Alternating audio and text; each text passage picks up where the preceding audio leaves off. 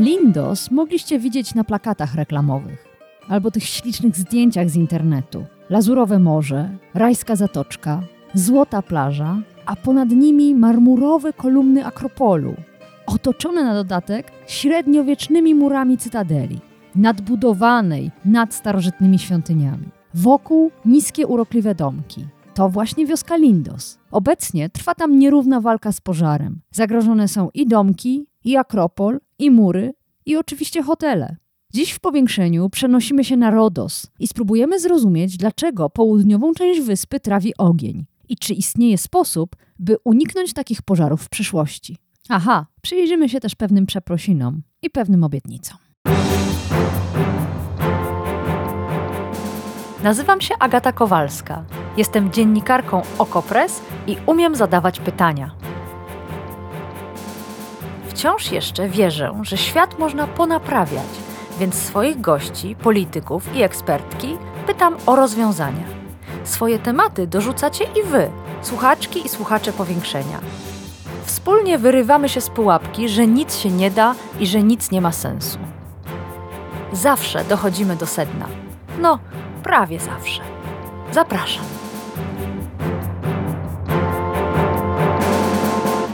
A gościem powiększenia jest doktor habilitowana Irena Cermegas z Wydziału Geografii i Studiów Regionalnych na Uniwersytecie Warszawskim z Katedry Geografii Fizycznej. Dzień dobry. Dzień dobry. Śródziemnomorskie wysepki, greckie wysepki, to wyspy z niedoborem wody, z suchą roślinnością, z pięknymi, ale łatwo palącymi się laskami sosnowymi, z tamaryszkami i wiatrem, który potrafi wiać naprawdę solidnie. Zastanawiam się, co jeszcze by Pani dodała do tego opisu i czy zgodziłaby się Pani, że te piękne miejsca są jednocześnie przepisem na wielkoobszarowe pożary i że te pożary to nie jest tylko specyfika ostatnich lat. Jak to wygląda z punktu widzenia geografii? Generalnie pożar w takim ekosystemie śródziemnomorskim to jest zjawisko nie tylko normalne, ale ono wręcz jest temu ekosystemowi potrzebne. Żeby się prawidłowo rozwijał, od czasu do czasu musi się spalić.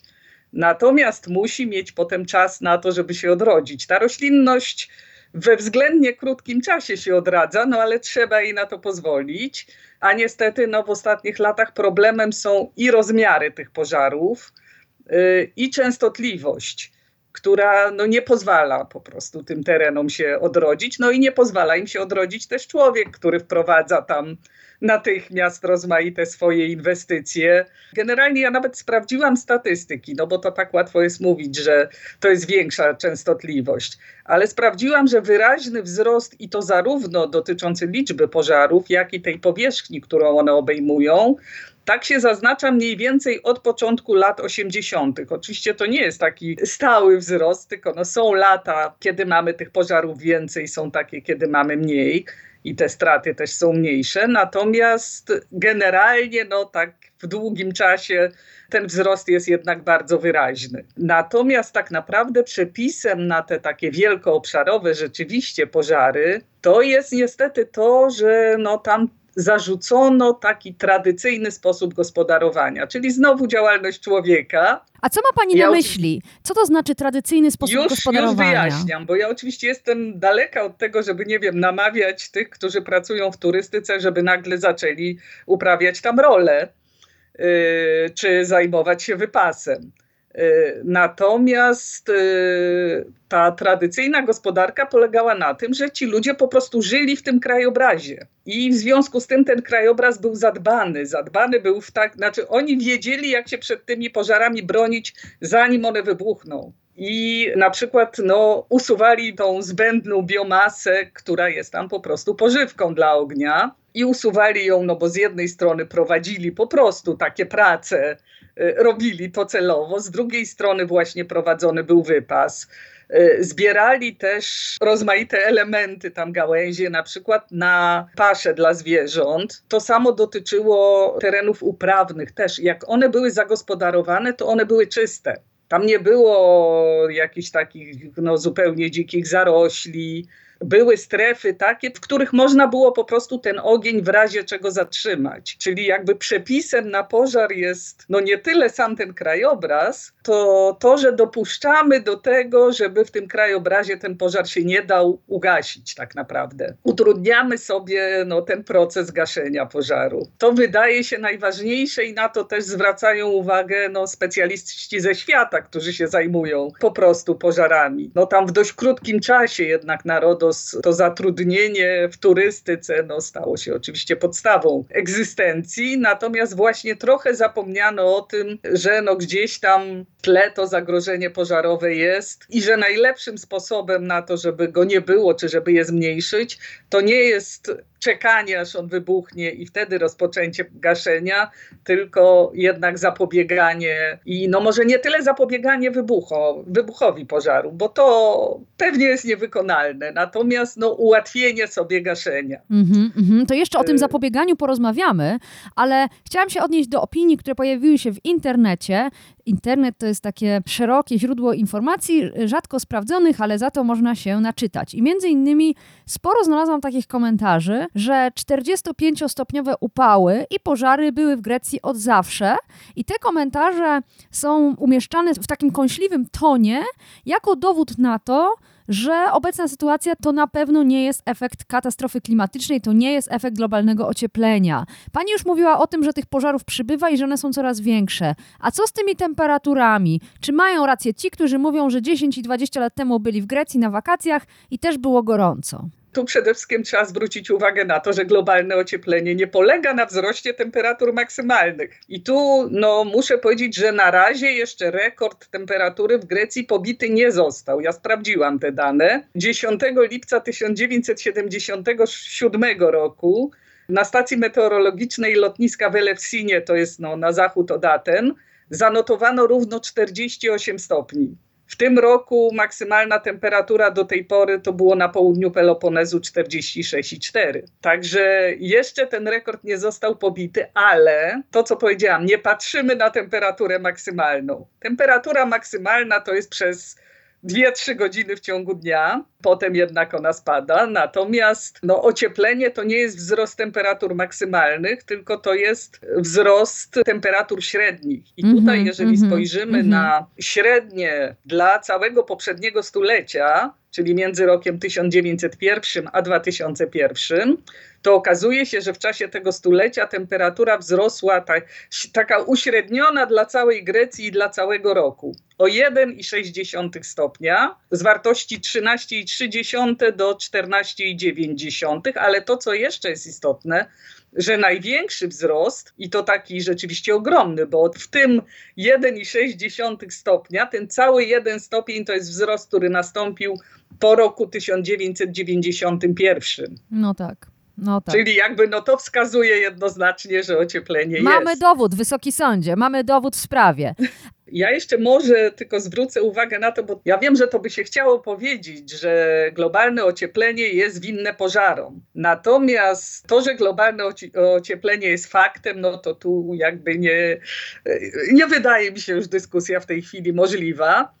E, Natomiast zwalanie całej winy za pożary na e, to globalne ocieplenie to nie tylko jest nadużycie, ale moim zdaniem to jest poważne nadużycie. Ale to przepraszam, że przerwę. szkodliwe. Ale to przepraszam, że przerwę, to jest też dobra wiadomość, bo jeśli coś innego niż tylko globalne ocieplenie tak, to ma można wpływ na naprawić. Otóż to, ale to zaraz jeszcze wytłumaczymy, co tu można naprawić. E, To nadużycie jest wręcz szkodliwe, bo ono właśnie odwraca uwagę od tych rzeczywistych przyczyn. A tą rzeczywistą przyczyną no to jest jednak to traktowanie przestrzeni jako takiego zasobu nieskończonego, Tak. z którym można robić co się chce. Wszystko. I jakby Mhm. jedynym, na co mamy zwracać uwagę, to to, żeby możliwie największe zyski uzyskać. No to niestety nie działa. Jasna sprawa. To dziękuję za to uściślenie. A to przejdźmy jeszcze na chwilę do wody. Jak to z tą wodą w Grecji jest i czy mają oni sposoby? Hiszpania na przykład od lat inwestuje w gromadzenie wody, w zapobieganie suszom. Jak to jest z Grekami? To znaczy, w Grecji też nie jest do końca tak, że Grecja nie ma wody. Akurat na, na wyspach na wschodzie Morza Egejskiego opady są dużo wyższe niż w Polsce. Dużo wyższe. To są wartości rzędu dobrze ponad 1000 mm w skali roku. Tyle tylko, że no to są warunki śródziemnomorskie i tamte opady spadają w krótkim czasie z bardzo dużym natężeniem. Rzeźba jest górska, w związku z czym ta woda bardzo szybko jednak spływa do morza, a ten spływ do morza jest jeszcze przyspieszony, dlatego że niszczymy roślinność, zabetonowujemy duże powierzchnie, E, więc no, jest na pewno ograniczona retencja. Natomiast nie powiedziałabym, że tam wody brakuje. Znaczy, brakuje jej dla takiej liczby ludzi, jaka się tam pojawia latem. I tu też no troszkę właśnie jakby ten podział wody, można powiedzieć, jest trudny. Są wyspy takie, gdzie rzeczywiście praktycznie nie ma wody, y, nie ma słodkiej wody, no albo cała słodka woda jest w zasadzie zwierceń. Są takie, które tej wody mają pod dostatkiem tak naprawdę. Też to trochę zależy od tego, jaka była zima i na przykład no, narzekanie, że zimą pada no nie należy raczej narzekać, bo hmm. e, miejscowi zwykle się bardzo cieszą z tych zimowych opadów, no właśnie tak. dlatego, że to im potem no, zapewnia e, to, że te horyzonty wodonośne jednak nie są tej wody pozbawione.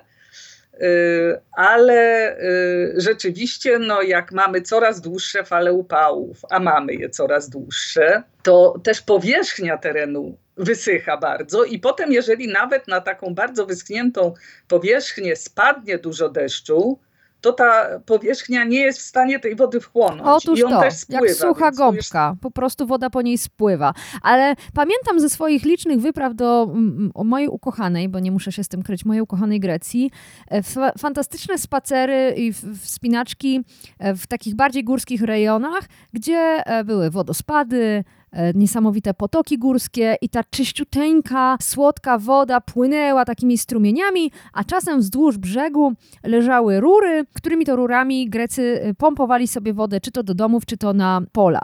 I zastanawiam się, czy istnieje tam jakiś system retencjonowania tej wody, żeby ona na przykład tak szybko do tego pięknego morza nie spływała. Czy też Grecy wciąż jeszcze, tak jak w Polsce, liczą na to, że ta woda zawsze będzie?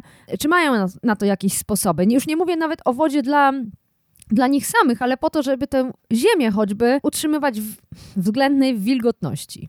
To znaczy znów przy tym tradycyjnym gospodarowaniu, gospodarowaniu mieli te sposoby, Aha. bo budowali takie niewielkie zbiorniki, które służyły potem do podlewania i w wielu miejscach jeszcze te zbiorniki przetrwały, no ale je też trzeba, trzeba o nie dbać po prostu, żeby one funkcjonowały. A poza tym no, one funkcjonowały wtedy, kiedy nie było wierceń i kiedy jakby ta woda powierzchniowa była dostępna. Natomiast w momencie, jak my robimy nawet często głębokie wiercenia, no to na powierzchni możemy mieć tej wody mniej. No I wtedy sprawa. oczywiście jest woda dla hoteli na przykład, tak. no tyle tylko, że już ta tradycyjnie gromadzona woda y, niestety nam znika, ale też tu przy okazji tych pożarów zetknęłam się z takimi głosami, no że wręcz y, i strażacy i y, część mieszkańców Rodos apelowała do mieszkańców miasta Rodos, żeby w czasie tej akcji gaśniczej powstrzymali się na przykład od polewania sobie tarasów wodą, i no, od zużywania tej wody bez potrzeby, no, nic im się nie stanie, jak przez chwilę będą mieli suchy taras. No to taki sposób mało ekologiczny, ale sposób na kurz. Łatwiej polać wodą niż e, zamiatać czy odkurzać. Przejdźmy do tego, co się dzieje teraz. Już pani wspomniała o pierwszym apelu. Rodos się broni przed pożarami. Skupmy się na tej wyspie, bo ona została w tym momencie najbardziej dotknięta wielkoobszarowymi pożarami. Ewakuowani są mieszkańcy, ewakuowani są turyści. Mówimy o południu wyspy. Buduje się nawet okopy wokół zabytków, żeby ten pożar do nich e, nie mógł się dostać. Straż pożarna namierza kolejne ogniska pożarów i je próbuje opanować. I zastanawiam się, na ile jest to skuteczne na ile Grecy potrafią walczyć z pożarami w, w, w, obecnej sytuacji, czyli wyspy zmienionej jednak w taki konglomerat e, turystyczny. Grecja zawsze mnie zachwycała tym, że świetnie miała zorganizowany transport publiczny. Zastanawiam się, czy Straż Pożarną też mają tak świetnie zorganizowaną. Znaczy, ten, ten transport publiczny to tylko na niektórych wyspach i tylko w sezonie. A to nie wiedziałam. Oczywiście Straż Pożarna w Grecji jest i do strażaków Grecji absolutnie żadnych pretensji nie mają, wręcz no, ci strażacy no, tam wykonują heroiczną pracę i są za to powszechnie szanowani. I często to jest praca wykonywana niemal gołymi rękami, i nawet nie tylko dlatego, że nie mają sprzętu, chociaż nie mają, ten sprzęt jest stary. Generalnie Straż Pożarna w Grecji jest bardzo niedofinansowana. Tu jeszcze się nakładają na to lata kryzysu. Y, ale też trzeba pamiętać, że to jest bardzo trudny teren. To jest teren górzysty. On jest często właściwie niedostępny dla ciężkiego sprzętu. Tam się sprawdzają samoloty, ale samoloty przy bardzo silnym wietrze nie polecą, bo zresztą nie będzie to miało sensu, bo ocenienie, no gdzie ta woda spadnie przy wietrze jest w zasadzie niemożliwe, natomiast też nie polecą w nocy. Więc tam podstawą walki z tym pożarem jest po prostu człowiek. A niestety tych ludzi w straży brakuje. Brakuje dlatego, że był ograniczany bardzo nabór, no bo nie było pieniędzy, bo kryzys. Tutaj choćby oni nie wiem, co robili, no i tak robią rzeczy nadludzkie tak naprawdę, to praktycznie nie jest możliwe ugaszenie takiego pożaru, jeżeli to jest taki wielkoobszarowy pożar.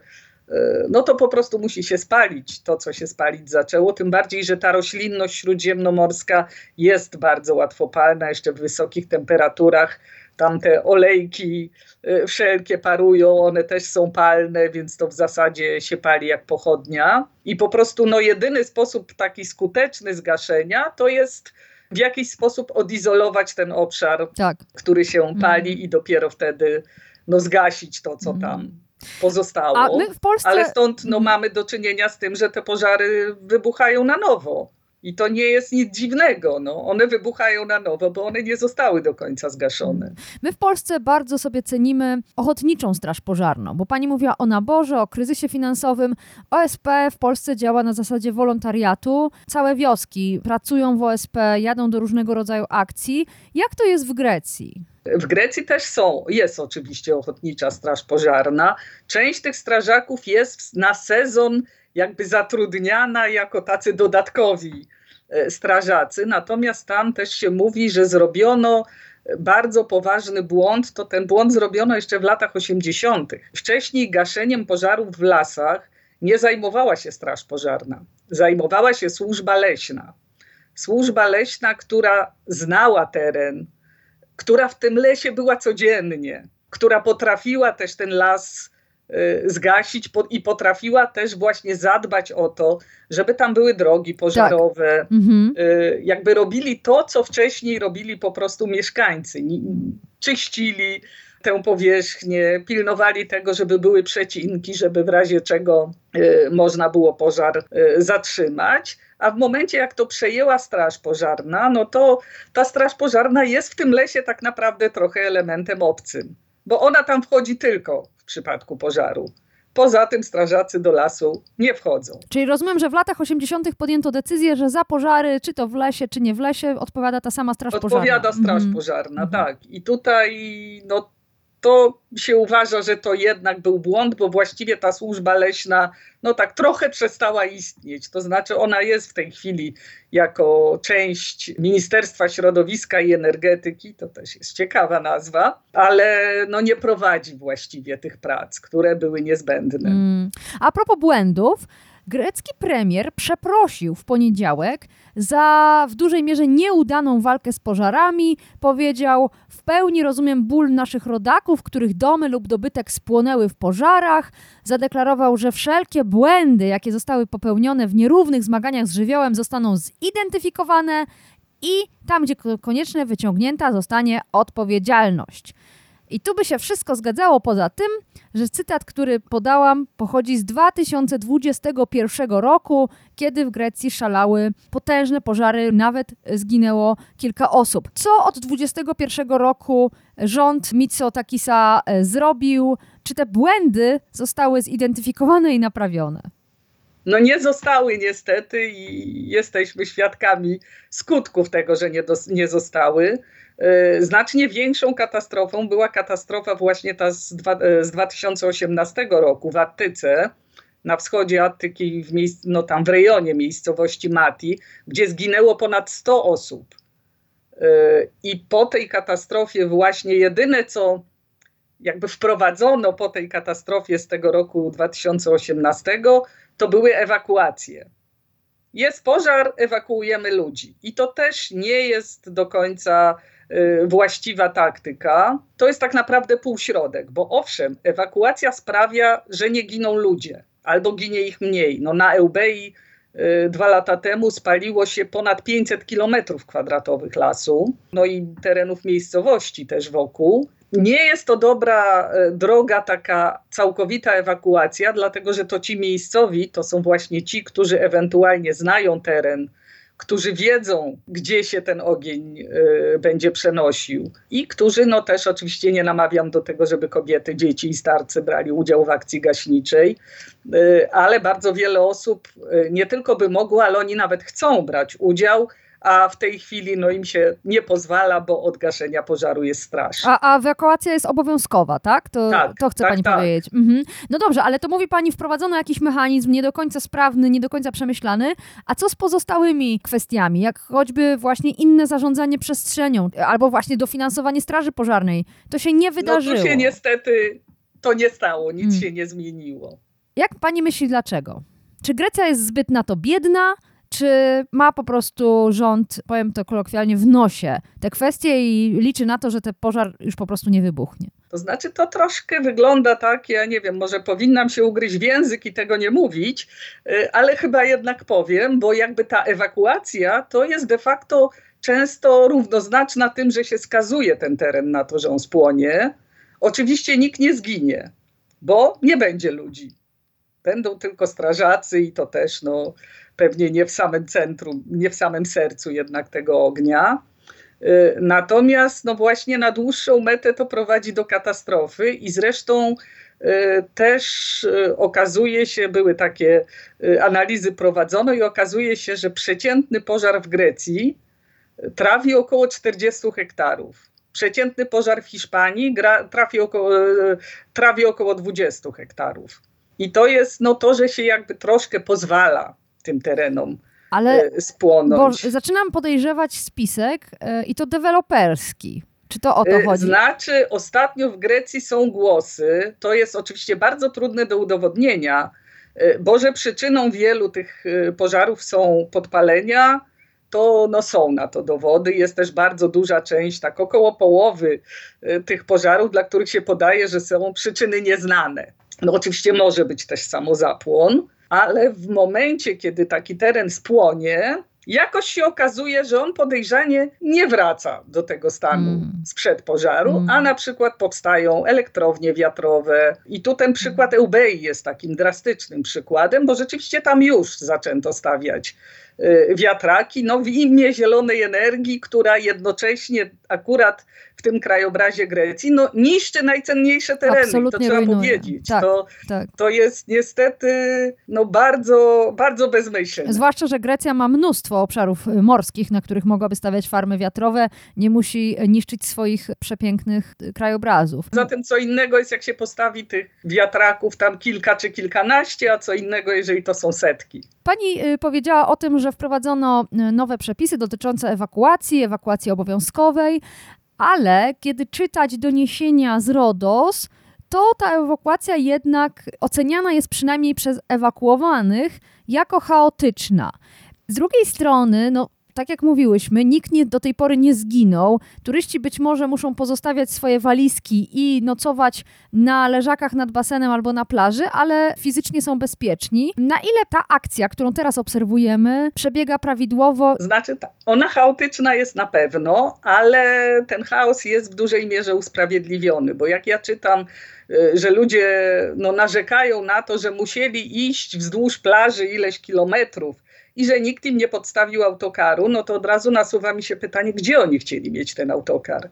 Na tej plaży? No rozumiem, że to jest też takie wyobrażenie z Polski, że prawda, zaraz na zapleczu plaży to my mamy jakąś drogę i na pewno ta droga jest w tym momencie przejezdna. No tylko, że w momencie, kiedy już pożar dochodzi do morza, no to praktycznie ta plaża jest rzeczywiście miejscem najbezpieczniejszym, a poza tym, no jednak to są ogromne liczby. To jest bardzo, bardzo dużo turystów, dużo więcej turystów niż miejscowych strażaków i wszelkich innych służb razem wziętych. i rzeczywiście opanowanie tego w krótkim czasie no, praktycznie nie jest możliwe i podstawienie też tylu autokarów. Które... Pani mówi o y, gotowości drogi przy plaży, ale ja myślę, że to jest w ogóle taka mentalność turysty, który jedzie na wakacje i chce mieć wszystko zabezpieczone, zaopiekowane. Nawet jak płonie wyspa, na którą pojechał, to mnie prowadzi do zupełnie innego, szerszego pytania. Czy Pani zdaniem powinniśmy przedefiniować nasze myślenie o Grecji jako rajskich y, plażach, przepięknych krajobrazach, niesamowitych zabytkach i fantastycznych ludziach, a zacząć przyglądać się jej, myśleć o niej, nawet jeśli jedziemy tam na wakacje, jako miejscu objętym kryzysem klimatycznym i kryzysem uchodźczym, bo przecież mieliśmy też te narzekania turystów, że pojechali na wakacje, a na plaży koczują ludzie, którzy tu wyszli z wody, dosłownie wyszli z wody. Czy Grecję powinniśmy przedefiniować? Znaczy, to chyba nie dotyczy tylko Grecji. Cała strefa śródziemnomorska jest też tą strefą, która na przykład na kryzys klimatyczny jest narażona, no można powiedzieć, w największym stopniu, bo te wszelkie związane ze zmianami klimatu, na przykład wzrost częstości wszelkich zjawisk ekstremalnych, no to on akurat tej strefy bardzo, bardzo dotyczy i to dotyczy zarówno w odniesieniu na przykład właśnie do pożarów, jak i do powodzi błyskawicznych, z którymi mamy do czynienia e, zimą, ale to jest specyfika całej strefy śródziemnomorskiej. Zresztą, e, jeśli chodzi o kryzys uchodźczy, to też to nie jest problem tylko Grecji. Natomiast chyba taka strategia rozwijania turystyki masowej w Grecji od początku nie była najlepszym pomysłem, bo rzeczywiście są takie tereny, gdzie liczba tych turystów jest już tak ogromna, Y, że no tutaj nie, właśnie nie można sobie na przykład wyobrazić za bardzo sprawnej y, ewakuacji, podczas gdy Grecja ma do zaoferowania bardzo wiele innych terenów, tak naprawdę równie atrakcyjnych. No tylko, że turysta wybiera to, co mu się oferuje, a oferuje się te miejsca, no, w których już powstała ta infrastruktura nadmierna, zdecydowanie nadmierna i tutaj jakąś metodą na pewno byłoby rozwijanie po prostu takiej turystyki zrównoważonej, no, alternatywy jakiejś dla tego, co jest rozwijane y, w tej chwili. Też może, chociaż wiem, że to jest trudne, bo osoby na przykład, które mają dzieci w wieku szkolnym, no to muszą pojechać latem. Natomiast na pewno ten sezon turystyczny się będzie wydłużał. Już tak naprawdę można do Grecji jeździć no, od końca kwietnia do właściwie końca października i jeszcze pogodowo jest y, nieźle, natomiast no rozumiem tych, którzy no są skazani y, na pojechanie latem, ale może w takim razie wybrać miejsca, nie te właśnie takie, gdzie są największe tłumy. Mm. No to pytanie o to, czy Grecja uczy się inaczej myśleć o turystyce, czy może nawet wprowadza jakieś ograniczenia, bo przez wiele lat niestety to była wolna amerykanka, rozbudowa hoteli, te wszystkie akwaparki zużywające wodę. To wszystko było dostępne, jeśli tylko inwestor miał pieniądze, często był to inwestor z zagranicy. Czy pani zdaniem to się jakoś zmienia, czy reguły pozostały takie jak w latach 80. i 90.? Zmienia się, natomiast zmienia się bardzo powoli, bo rzeczywiście już na tych terenach takich, które do niedawna zupełnie nie były turystyczne, no jakieś takie inicjatywy się pojawiają, natomiast no łatwe to bez wątpienia nie będzie i tutaj raczej no muszą być jakieś działania odgórne. Grecy wprawdzie są takim społeczeństwem, które się dość łatwo potrafi zorganizować na szczeblu lokalnym. Natomiast no, bez działań odgórnych to raczej będzie trudne. No, oby te działania odgórne przebiegały inaczej niż działania w polityce przeciwpożarowej. Dziękuję y, doktor habilitowana Irena Cermegas z Wydziału Geografii Studiów Regionalnych Uniwersytetu Warszawskiego z Katedry Geografii Fizycznej była moim i waszym gościem. Dziękuję serdecznie. Dziękuję bardzo.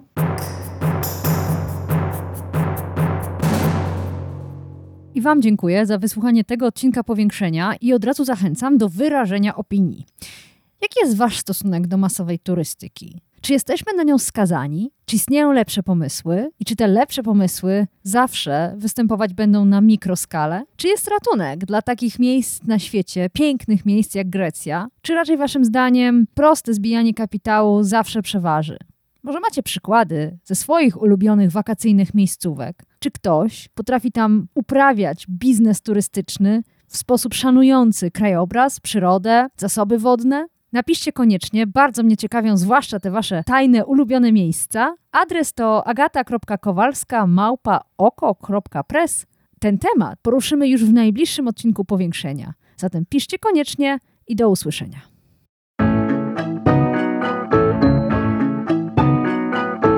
To było Powiększenie, podcast Agaty Kowalskiej. Produkcja Bartosz Weber.